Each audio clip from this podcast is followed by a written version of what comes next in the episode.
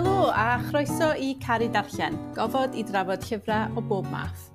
Yn gwmni mi heddiw mae'r awdur a'r bardd Elin Owen Reynolds, a'r bardd a'r dramodydd ac arbenigydd arwyddoniaeth Cymraeg Dr Miriam Elin Jones. Mae di bod yn fus hir iawn, mae di bod yn gyfnod anodd rhwng y cyfnod clo, yr hyn sy'n digwydd o ran y salwch a'r ystadegau. Mewn cyfnod fel hyn, ydy darllen di bod yn ddihangfa o gwbl i chi? Be amdano ti, Eleanor? Ydy mae e, achos mae yna lot o bethau sydd yn ddihangfa i ni ar hyn o bryd, ac i ni'n prisio nhw ac yn ei gwerthfarogi nhw gymaint yn fwy, dwi'n meddwl, yn y cyfnod yma. I ni'n meddwl mae 31 o ddyddiau sydd ym mis Ionawr, ond eleni oedd na 331 o ddyddiau. Neu fel yna mae fe'n teimlo. O, oh, bendant fel yma'n teimlo. Ond o ran y darllen, ydw, dwi wedi bod yn cael dihangfa drwy ddarllen, ond mae yna un peth sydd wedi'n haro i, sef mod i angen darllen am gyfnodau byrion dwi'n teimlo. Dwi wedi troi at ysgrifau, dwi wedi troi at draethodau, dwi wedi troi at lyfrau tenau, dwi wedi troi yn tyn bach o fabi llenyddol a ychydig bach yn aml dwi'n ffindo um, sydd yn gwneud y tro i fi. A Miriam, wyt ti wedi cael profiad tebyg? I fi naillain darllen o hyd ac yn dianc yn llwyr, a fi yn un o'r bobl yna sy'n depa mewn a mas o lyfrau, fi'n dechrau llyfr, fi'n iad o re, a fi ddim yn gwybod os mae hwnna achos bod fi'n darllen ar Kindle ac yn darllen llyfrau solid fel petai, felly'n fflipio o'r maith y llall. Neu fi'n mynd trwy gyfnod lle fydd sti fi ddim myned darllen o gwbl, a sti fi ddim myned neu dim. A fi wedi mynd i'r ffordd arall yn llwyr. Cyn Covid, o'n i wedi troi fwy at straeon byrion, ond nawr mae well da fi good nofel, a er bod fi'n dipo mewn y mas, mae fel bod fi eisiau buddsoddi yn rhywbeth mwy mewn ffordd. A fi'n darllen lot fwy o lyfrau ffeithiol hefyd am y tro cyntaf yn y mywyd bron. Um, fi bach yn obsessed gyda true crime. A fi'n credu heb Kindle bydden ni byth wedi pigo nhw lan mewn siop chwaith. Be'n benodol ti wedi bod yn darllen? Ar hyn o bryd, fi'n darllen Pembrokeshire Murders. Um, a cyn hynny nes i ddarllen Killing for Company, sef cyfrol Brian Masters am Dennis Nielsen. Ond fi'n credu ar hyn o bryd hefyd, mae'n hynod boblogaidd ar y teledu a phopeth, a hwnna ar ôl bod Des a Mother Pembrokeshire Murders hefyd wedi bod ar ITV. Mae'n teimlo'n odd bod yn fascinated gan true crime, ond mae'n rhywbeth am mae dy fi ddod mewn seicoleg rhywun sy'n neud pethau mor erchyll o'r fath a gweld i'r symeg nhw mewn ffordd os oes 'na resymeg tu ôl i'r ffasiwn beth ond fi jyst yn fascinated as yr holl broses tu ôl iddo fe. Elinor, byset ti'n cael dy ddenu ddarllen trwy graim o gwbl neu hyd yn oed sys fo'n denne? Ie, yeah, nawr dwi wedi creu enw i fi ni'n nawr, dwi. O'n i'n meddwl ynglyn â'r peth na o fynd ar ôl um, pethau bite size o ran, o'n i'n gweud bod bod fi'n mwynhau darllen. Um, felly, dwi'n meddwl yn rannol achos bod y byd i gyd nawr yn digwydd yn y tŷ, mae'r plant adre, Mae yna waith ysgol i wneud. Dwi'n wneud gwaith fy ngwaith i o'r tŷ. Dwi hefyd yn wneud y gwaith tŷ yn y tŷ. Ac felly mae cael yr amser yna i allu mwynhau rhywbeth a'i orffen e. A dwi'n meddwl mai hwnna yw'r peth. Mae yna gymaint o bethau. I ni wedi rhoi'n bywyd ni ar stop yn dyn ni. Ni, ni, di, ni di roi rhyw fath o hoi i bethau. Ac mae yna rhywbeth braf dwi'n teimlo yn y peth o ddarllen pytiau cyflawn byr fi'n teimlo bod fi wedi cyflawni rhywbeth. A dwi'n meddwl, mae'n dyna'n rannol pam mod i um, wedi troi at ysgrifau a rhywbeth felly. Ond o ran y murders, dwi ddim yn gwybod. Dwi'n meddwl, dwi just mm-hmm. about yn gallu stymogi Agatha Christie. Lle, a fel ti'n dweud, bod ti'n gallu dilyn syniad i'w gyfanrwydd, a bod ti'n cael gorffen, a ti'n meddwl, o, oh, maen nhw wedi dod i ryw gasgliad, a, o, oh, mae yna rhyw deimlo braf am hynna, bod ti wedi llwyddo i ddarllen un peth o leia. Cytuno, a mae yna deimlad braf, achos wyt ti'n gallu byw gyda'r ysgrif am yn hirach nag wyt ti'n ei darllen hi wrth gwrs. Ac felly mae yna le falle i fod yn meddwl ynglyn â phethau, mae rhyw chydig bach yn fwy o bosib, dwi ddim yn gwybod. Pa ysgrifau ti wedi bod yn mwynhau? Wel, mae yna ddwy yn, yn benodol yn Gymraeg, sef Ymbapuroli, um, Angharad Price, a Lloer Ganiadau Fflir Dafydd. Um, a dwi wedi hmm. mwynhau yng Nghymru y ddwy ohonyn nhw. Y, y drydedd gyfrol dwi wedi um, cydio yn ddi, a ges i hi'n anreg nadolig, yw cyfrol Hilary Mantel, sef Mantel Pieces. Dwi ddim yn mynd i ddarllen ei nofelau hi, dwi wedi rhoi shot ar Wolf Hall, a dwi wedi methu. Ond, Hilary Mantel, fel awdur sydd yn ysgrifennu sgrifau, mae hi'n ddigiro yn y Saesneg. Ond o ran y Gymraeg, wedi mwynhau, wedi ffoli ar bod yn gwmni'r lleiad a Fflir Dafydd, ar um, y peth quirky na o ran i hiwmor hi, ond mae yna wyddoniaeth yna hefyd, mae yna lenyddiaeth yna hefyd, mae yna dimladau, mae yna, mae yna rannu profiadau. Mae, mae jyst yn gret, mae yna rhywbeth intimate iawn ynglyn â'r profiad o ddarllen ysgrifennu. Mae fel gwrando ar y radio. Dim ond ti hmm. a'r person sy'n siarad sydd yn y berthynas honno. Yn yr un modd dwi'n teimlo gydag ysgrifau. A dwi'n gwybod bod Angharad Price yn fan mawr o T.H. Parry Williams oedd yn, yn ben ysgrifwr ac yn wir. Mae'r gair ymbapuroli, T.H. Parry Williams nath ddyfeisio'r gair. Ac, ac mae, mae jyst yn braf bod yng Nghymru Angharad am gyfnodau gwahanol. Mae hi'n trafod pethau mwy amrywiol yn ei chyfrol hi, lle mae, mae Fleer yn fwy thematig, yn, yn deillio o'r sioe nath hi sgwennu ar gyfer Steddfod Llynedd uh, yng Ngheredigion ynglyn â'r lleiad. Be nes i fwynhau am y gyfrol oedd y ffordd bod hi wedi bod hi plethu y, y wyddoniaeth, y profiadau, a dwi'n meddwl bod hi'n gyfrol berthnasol iawn i'n cyfnod ni rwan a'r cyfnod clo sydd wedi bod hefyd mae yna lot ohono ni eich di edrych yn ôl ar yn bywydau, edrych yn ôl ar benderfyniadau, wedi bod yn trio gwneud synwyr allan o bethau. A dwi'n meddwl bod, bod hi wedi llwyddo i greu rhywbeth arbennig iawn yn y plethwaith yna. Ydy mae hi, achos mae'n hel atgofion mae hi am ei flentyndod ac am ei llencyndod hi hefyd, a lot o'r pethau sydd yn digwydd yn y gyfrol yn digwydd yng ngolau'r lleiad. Um, mae mynd mas uh, yn blentyn ysgol gyda chryw bach o blant uh, nos cael yn Geia, um, yng ngole'r lleiad. A, a rywsut mae'r oedolyn sydd gyda nhw yn gadael, mae'n cael ofn a mae'n mae gadael, gan adael y plant bach yma yn ddi ymgiledd yng nghanol cefen gwlad Ceredigion. Um, ac, ac ar antur, oedd yn rhan o hyn, a mwy na bod yn antur sy'n digwydd yng ngolau'r lleiad wrth gwrs, a mae'r lleiad yn lliwio'r byd mewn rhyw liw a mewn rhyw reality estron iawn. Felly oedd e'n brofiad lledrithiol darllen yr hanesion yma. Hanesion sydd wedi, y math o bethau sydd wedi digwydd i ni gyd, cariad cyntaf, rhywbeth o felly. Um, ond oherwydd bod nhw'n digwydd yng ngolau'r lleiad, waw, o'n i'n teimlo bod fi'n rhan o rhywbeth hyd a lledrith. O ran ffuglen, Miriam, os yna nofelau sydd wedi mynd at y fryd di'n ddiweddar? Mae'n od, fi wedi trio darllen pethau falle fydden ni ddim fel arfer yn darllen, a nath rhywun argymell gafi um, Sonia Edwards i fi'n ddiweddar. A fi'n cofio darllen rhannu ymbrel pan yn enillodd i'r fyd ryddiaeth. A o'n i ddim wedi twymo lot at y straeon am ryw reswm, ond nes i weld yn hynna'n yn dechrau gafi yn meddwl, rwy'n i go iddi. A ges i'n syni ar yr ochr orau, actually, bod fi wedi cael yn hynny mewn. A mae'n stori mor gymleth am y teulu, fi cael un o'r teuluoedd mwyaf mesu erioed. Ond mae yna rhywbeth mae'n hawdd i uniaethu â hynny weithiau, achos dyw teuluoedd beth bethau taclus iawn. Ond mae yna gymaint o gymeriadau a maen nhw'n clymu ei gilydd, mae'n gymaint o wahanol ffyrdd, a o'n i jyst eisiau gwybod sut oedd y clymau yma, naill ai mynd i ddatod yn llwyr, neu mynd i ddod at ei gilydd. Ges i gymaint o flas o'r hon, nes i wirioneddol fwynhau yr elfen na o saga deuluol a dod i nabod y teulu a'r cymeriadau a'r holl sort of fel ti'n sôn y cymlethdodau teuluol na oedd yn codi. Ond na, nes i wirioneddol fwynhau i'r pwynt a rhywun brynu potel o wyn gafi i fi'n nadolig a ges i'n anhygoel o gyffroes. Oedd hi'n wych, ie. Yeah. Nes i gael yn syni, a o'n i wedi darllen Perl gan Beth Jones hefyd, a ges i honna'n anreg. A yn yr un ffordd, oedd hi'n stori gael eitha syml, ond gyda y, y rhyfel yn Iwgoslafia yn gefnlen iddi. A just nofel ysgafn arall, ond o'n i rili really 'di mwynhau hi. A fi gallu bod, fi'n cyfadde bod fi'n gallu bod yn snobyddlyd weithiau, a meddwl, o, oh, rhywbeth darllenadwy, rhywbeth ysgafn. Ond fi'n credu fi wedi mynd fwy i werthfawrogi hwnna, yr hynna i fi'n mynd, y mwyaf fi'n meddwl, o, oh, mae ma stori ysgafn dda, mor bwysig, a mae'n cydio mewn ffordd hollol wahanol. Yndi, a mae o'n rhywbeth anodd i wneud hefyd i gadw darllenydd i fod eisiau gwybod i dy diwedd bod yn wir eisiau gwybod beth sy'n digwydd yn, yn, yn eitha camp.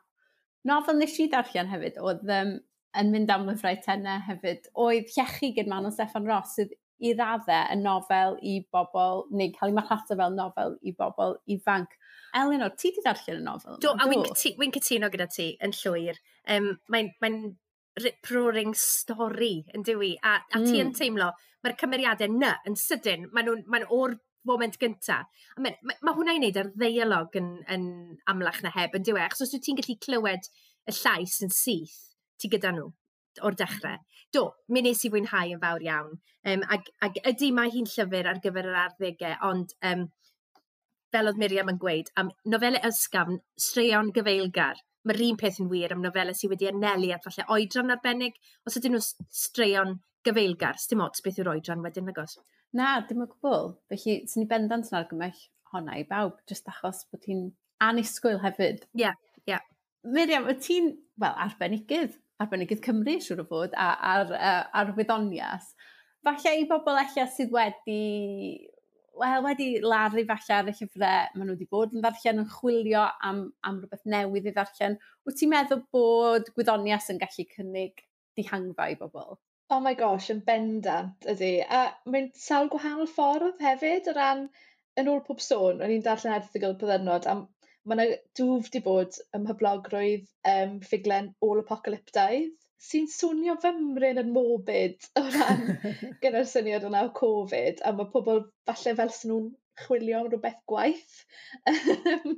Fi'n gwybod nes i droi The Road, Cormac McCarthy eto, yn ystod y lockdown cynta jyst er, fel rhyw fath o gysur o, dwi e ddim cymrwg o hynny o leia. Ni ddim mas yn ymladd am y bwyd a um, cuddio na dim byd fel yna, mae'n ffain. Ie, yeah, nes i feddwl lot am llyfr glas nebo, fel rhan fwyaf bobl, ti'n mm. meddwl, meddwl, o, be, be, be, be oedden nhw'n gwneud yn eich?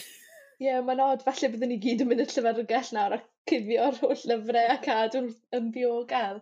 Ond ie, yeah, na, a wedyn mae rhywbeth a fel mae'n y nofel o fodau ddim yn mynd i gynnig dehangfa hollol wahanol fel nofel annwyl fel Y Blanedirion Islwyn mae'n ma' cynnig rhyw fath o ryw yy alternative arall mewn ffordd. Um, a fel a- ma' nofelau gyfodau Cymraeg yn eitha neis neis hefyd. Um, dyw aliens beth yn rili really gas iawn yn y Gymraeg. Sy'n cael yn ogol, rili. O, di, di wastad. Wel, Cymraeg di iaith y nefoedd ar ffyrfafen mae'n rhaid, felly. Dyna bod rhywun yn, yn mentro mewn i'r maes am y tro cyntaf. Pa, pa, pa nofelau sydd ti'n argymell yn y Gymraeg? Os ydy rhywun wedi mwynhau Llyfr y Glas Nebo, fydden ni'n bendant yn argymell Anwyl Smotyn Bach gan Lleici Roberts. Um, mae nofel um, am ddyfodol dystopaidd a llywodraeth eitha gormesol um, sy'n ceisio cael gwared o'r holl lyfrau Cymraeg. Yn anwyl Smotyn Bach, mae'n rili really rhyfedd. Mae yna um, rhan o'r nofel lle mae plant yn cael eu dysgu ar-lein um, sy'n really spooky o feddwl y sefyllfa ni sydd ohoni ar hyn o bryd. Y plant, a mae, ma hwnna jyst wedi dod i'n meddwl i sawl gwaith yn ystod lockdown y ddiweddar. Um, a dda falle bod Lleici Roberts wedi darogan hyn i gyd. Um, Ond ie, yeah, i bobl sydd wedi mwynhau llyfr glas nebo, bendant fydden ni'n argymell Annwyl Smotyn Fach. Um, a'i falle i rywun sydd wedi mwynhau rhywbeth fel y dydd olaf o Wain Owain, um, sy'n debycach i naws i waith George Orwell a Brave New World, Aldous Huxley a pethau fel yna, um, mae cafflogion a Gerall Jones yn tec eitha arbennig ar y genre yna. A mewn ffordd fi'n credu mai dyna'r unig dystopia fath o beth obeithiol i fi wedi dod ar ei thraws yn enwedig yn y Gymraeg. Um, mae'n sôn am mae'r ddinas yn amlwg yn cymryd dros bob dim. Mae dinasoedd wastad yn bethau drwg. A mae yna gymuned wedi llwyddo i gifio um, yng Nghefn Gwlad, a mae fe am rhywun o'r tu allan yn mynd i'r gymuned yma ac yn gwirio hi o'r tu allan fath o beth ac yn a gweld pa ddylanwad sydd gan y person yna ar y gymuned. Mae fe'n mae nofel feryw i, actually, um, nofela mwy na nofel. Um, a mae e'n un da, um, a mae'n anodd cael gael yr ambell un o'r copïau yma, achos maen nhw wedi mynd allan o brint ys blynydde. A fi wastad yn lico'r gamell y llyfrgell Fflir Dafydd, a mae'r llyfrgell mor glyfar o ran i, i golwg ffeminyddol i ar y canon Cymreig fath o beth. Um, ond mae hefyd yn chwip o nofel ddirgelwch a thrilau da iawn. Weithiau dyw pobl ddim yn credu fi bod hwnna yn ffuglen wyddonol, ond mae nofel ddyfodolaidd, felly mae hi. um, Ie, yeah, mae'n ma anodd, mae'n gymaint o ddewis, a fi'n credu achos bod ffuglen wyddonol yn rhywbeth, rhyw antur achlysurol i awduron Cymraeg, mae'n anodd grwpio pethau'n daclus. Um, maen ma nhw wastad yn gyfriniadau gan awduron sy'n sgwennu pethau eraill hefyd. Does na byth lot o awdur just sci-fi Cymraeg. Um, maen nhw'n eitha, y am andros milwod falle, ond oedd e'n ysgrifennu bobl ifanc ac yn mynd yn ôl yr elfen cyberpunk Um, a ma'n dreni bod e ddim wedi datblygu rhywbeth ymhellach falle i oedolion neu wedi sgwennu mwy actually os fi'n credu bydde fe wedi bod yn lais hynod ddiddorol i'r traddodiad ffuglen wyddonol fath o beth. Fe ddaeth y newyddion fod Gwasg y Bwthyn yn bwriadu ailgyhoeddi y dydd olaf gan Owain Owain. Fe gawson ni sgwrs efo Mared Glyn Jones o'r Wasg i ddarganfod mwy.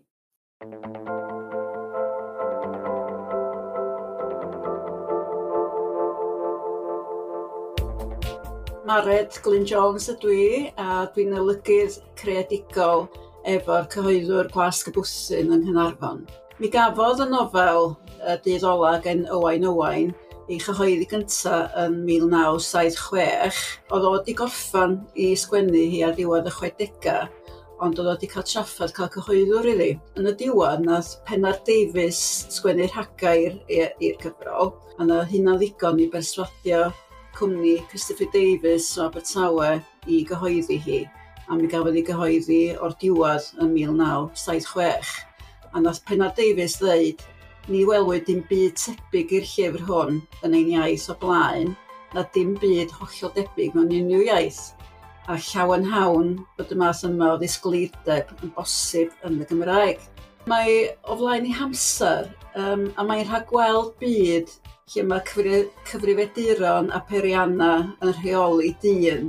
A be o'n i hefyd yn meddwl fysa o ddiddordeb i ddarllenwyr heddiw, lle mae'r Gymraeg yn gael, yr iaith Gymraeg yn gael yn y stori, mae'r Gymraeg yn bwysig ac yn arf mewn ffordd i'r prif gymeriad Marc.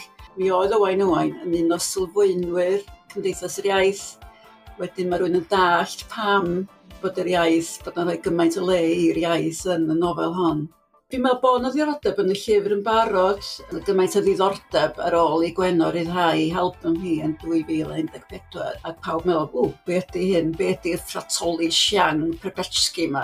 Fi'n meddwl bod yna gyfle yma i ni gyflwyno fo i set o ddarllenwyr newydd lle da. Mi fydd gennym ni ragair newydd yna fo, a mi ydy ni hefyd wedi penderfynu mynd am glawr newydd. Dwi'n gwybod bod yr hen glawr yn eiconic a owain owain ei hun nath, um, nath dylunio y clawr, ond da ni wedi penderfynu, wel, beth am mynd be, weld sut fysa dylunydd heddiw yn dehongli y llyfr. Wedyn mae Ifan Emyr yn mynd i, i wneud clawr i ni. Wel, do'n ni'n gobeithio dechrau cysodi um, mewn rhyw fysemnos a dechrau graffu, dechrau maws, swn i'n feddwl. Wedyn dwi'n fi fawr obeithio bydd o yn y siopa ym mis Ebrill i lenni. Diolch yn fawr i Mared Glyn Jones o Wasg y Bwthyn. Miriam, wyt ti'n edrych ymlaen i weld y dydd olaf mewn print unwaith eto? O, mae mor gyffroes clywed bod yna gyfle i fwy o bobl i darllen ni, achos fi'n credu ar y pryd pam gath i chyhoeddi, oedd hi mor newydd, a ar, mae harddull hyn heriol, ond mae'n nofel, mae'n gweud gymaint am gyflyru, mae'n gweud gymaint am statws y Gymraeg versus technoleg, um, sut mae'r Gymraeg yn gallu goresgu'r dechnoleg yma yn y byd dystopaidd yma. Um, ond mae ddiddorol erbyn hyn, achos oedd y dyfodol yn 1976 oen owain yn, yn y flwyddyn 2000, a mae hwnna'n orffennol i ni nawr. A fi'n gweld y berthynas yna gydag amser mewn nofel y ffuglen wyddonol mor ddiddorol o ran pryd i ni'n dod at y testyn, pryd ddath y ddawdur at y testyn. Fi'n siŵr bod yna brosiect ymchwil wedi bod um, ynglyn â edrych ar sut oedd y dyfodol yn cael ei bortreadu yn hanesyddol sy bach yn mind-blowing a mind-boggling ar y degau i edrych arno fe. Ond mae yna trends o ran sut yn hanesyddol mae pobl yn edrych ar y dyfodol. A er bod y dyfodol yn goffennol gyda y dydd olaf, fi'n meddwl bod e dal mor bwysig i edrych arni o ran mae themau hi dal yn gyfoes a fi'n teimlo o'n i'n lwcus bod Gwen o Saunders wedi darganfod i wedi wneud album ohoni a dod o hi at sylw'r newydd. O, o glywed ti'n siarad am llyfgell, pryd oedd y flwyddyn yn y llyfgell yn mynd i ddigwydd? Y llynedd. Llynedd! Un peth wedau ynglyn â roi dyddiad penodol um, ar y dyfodol yw wrth gwrs i ni'n mynd i gyrraedd y dyddiad hwnnw. A hyd yn oed yn 1948 pan ysgrifennodd Orwell uh, 1984 gan just cyfnewid y rhifau, deugen mlynedd oedd fwy na lai, yn fe, tan bod uh, 1984 yn digwydd. Ac felly, yng nghwestiwn i fydde, pam bod nofelau dyfodolaidd yn rhoi dyddiad o gwbl? Pam nad nhw jyst yn gweud bod e'n digwydd rhywbryd yn y dyfodol? Yn hytrach na phenodi amser, achos mi ddown ni at yr amser hwnnw, mae'r llyfrgell Felly, yn hanes erbyn nawr, mm. yn yr un modd um, y dydd olaf, a dwi'n mynd i brynu copi o'r dydd olaf, mae'r rhaid i fi ddweud. Um, Mae jyst yn gwestiwn, a dwi'n dwi, gwybod os oes yna ateb i hwnna, Miriam. Ie, yeah, sy'n siŵr am yr ateb union, ond beth sy'n ddiddorol fi'n credu gyda rhywbeth fel y llyfrgell, gath i chyhoeddi'n 2009 yn do. A 2020, dwi e ddim yn ddyfodol pell iawn, fi'n credu y tŷ heiar Idris, John Idris Owen yn un arall diddorol, rhyw deng mlynedd sy'n rhwng y presennol a'r dyfodol. A i fi, mae'r mae syniad o edrych ar heddi a meddwl mlaen, a mae rhoi pwynt penodol i'r mlaen yna, yn, achos mae awdur sy'n darlunio'r dyfodol, dwi e ddim jyst yn darlunio'r dyfodol, mae fe hefyd yn gorfod darlunio'r hanes sydd wedi bod rhwng y dyfodol a'r presennol. Yn anaml iawn, mae wythnos yng Nghymru fydd actually yn enghraifft bryn o dyfodol sy'n eitha pell i ffwrdd, gwrdd canrif. Um, a ni dal heb gyrraedd 2033. Um, a fi'n gwybod fyddai mor excited pan mewn i gyrraedd e. fi yn un o'r bobl yna nawr. Um, Mae'n ddiddorol os fi'n credu bod yr hanes in between y ddoi bwynt sy'n cael ei dadlunio yr un mor bwysig. Yr hyn sydd yn, yn, yn y nenu yw y bodau dynol sydd yn ymddangos yn y cyfrolau yma. Hynny yw, i ni dal yr un pobl yn dyn ni.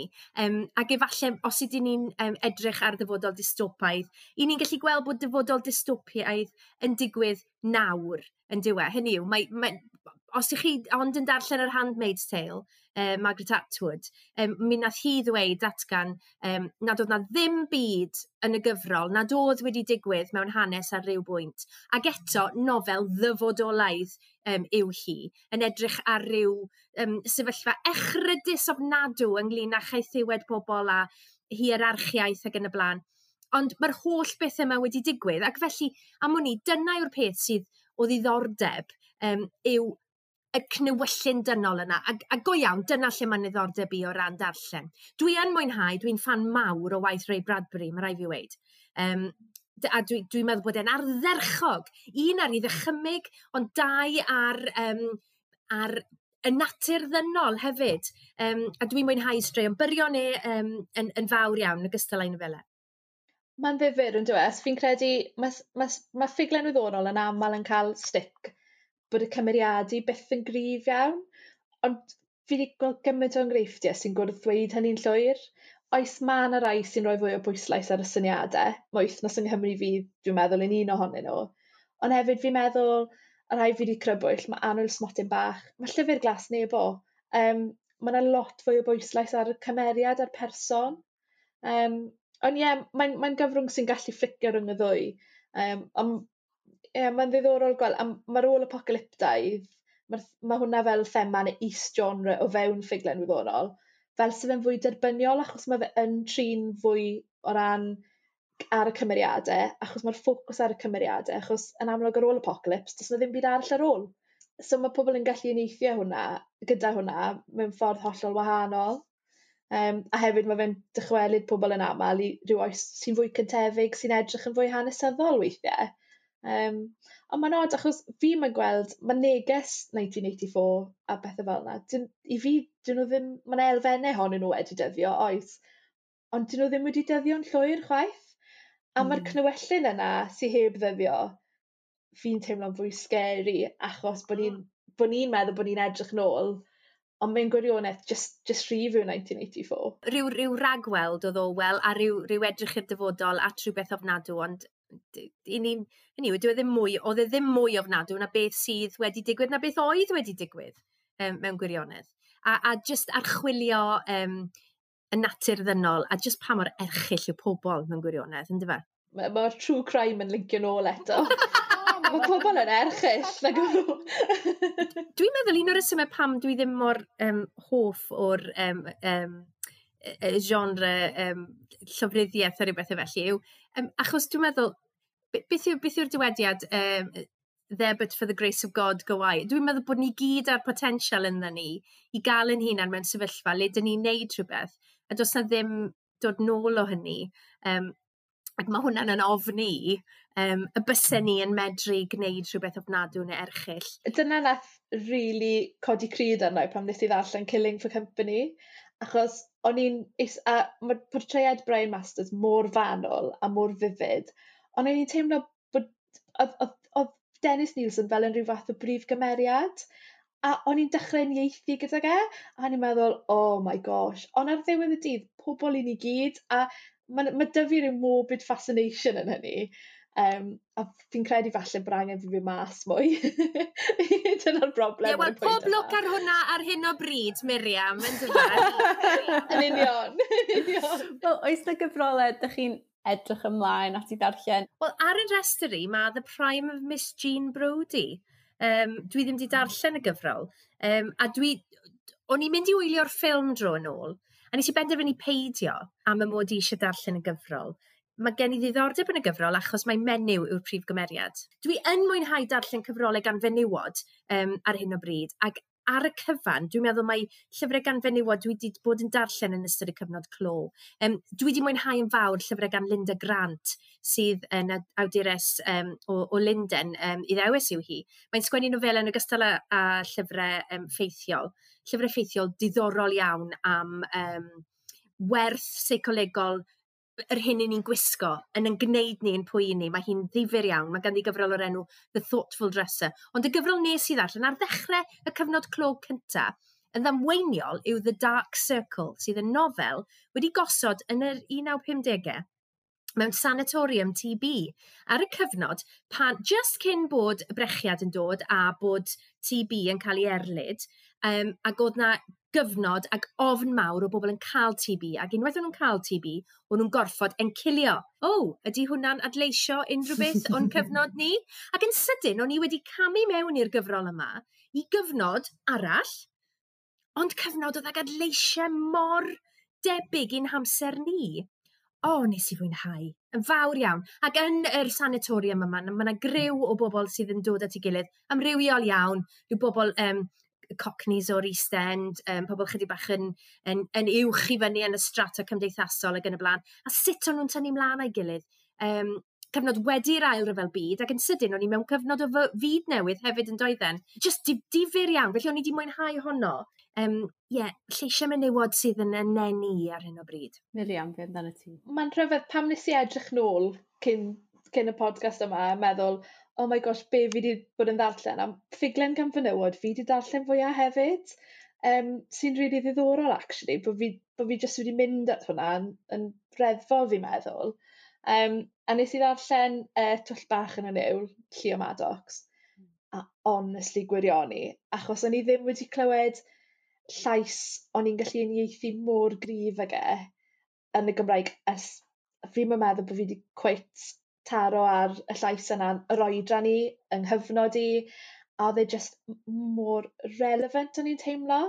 A fi'n credu oedd y darluniau o sut oedd bywyd rhywiol o'i brif gymeriad Lowri. Um, fi'n meddwl yn draddodiadol mae rhyw naillai yn rhywbeth sy'n sy, sy creu babi um, ac yn broblem, um, neu yn rhywbeth rhwng dau gariad, a ni'n eitha mwynhau'r ddelwedd yn tyll bach yn y niwl bod e ddim, bod e'n mesu o bod e'n real a bod perthnasau pobl ei gilydd yn gymleth. A y, y nofel sy'n aml yn cael ei dyfynu gyda hi yw Tu ôl yr awyr, um, Megan Hunter, a honna yw'r nofel sydd fi ar y restr nesaf. Um, fi a Dan eisiau darllen honna, achos fi wedi clywed dim byd o'n cymoliaeth. Mae'n mae gyfrol arbennig iawn, ti'n mynd i fwynhau, dwi'n meddwl. Wel, diolch yn fawr, Eleanor a Miriam, am ymuno efo fi. Mae wedi bod yn braf iawn cael sgwrsio. Mae wedi bod yn braf iawn, byddai bendant yn ystyried ffuglen wyddonol, efallai fwy wedi bod ni'n o'r bobl ddrwg na sy'n diastyru fo. Um, a felly, a, a diolch yn fawr, Eleanor, am gytuno fi am ysgrifau. Mae wastad yn braf cael trafod ysgrifau efo pobl.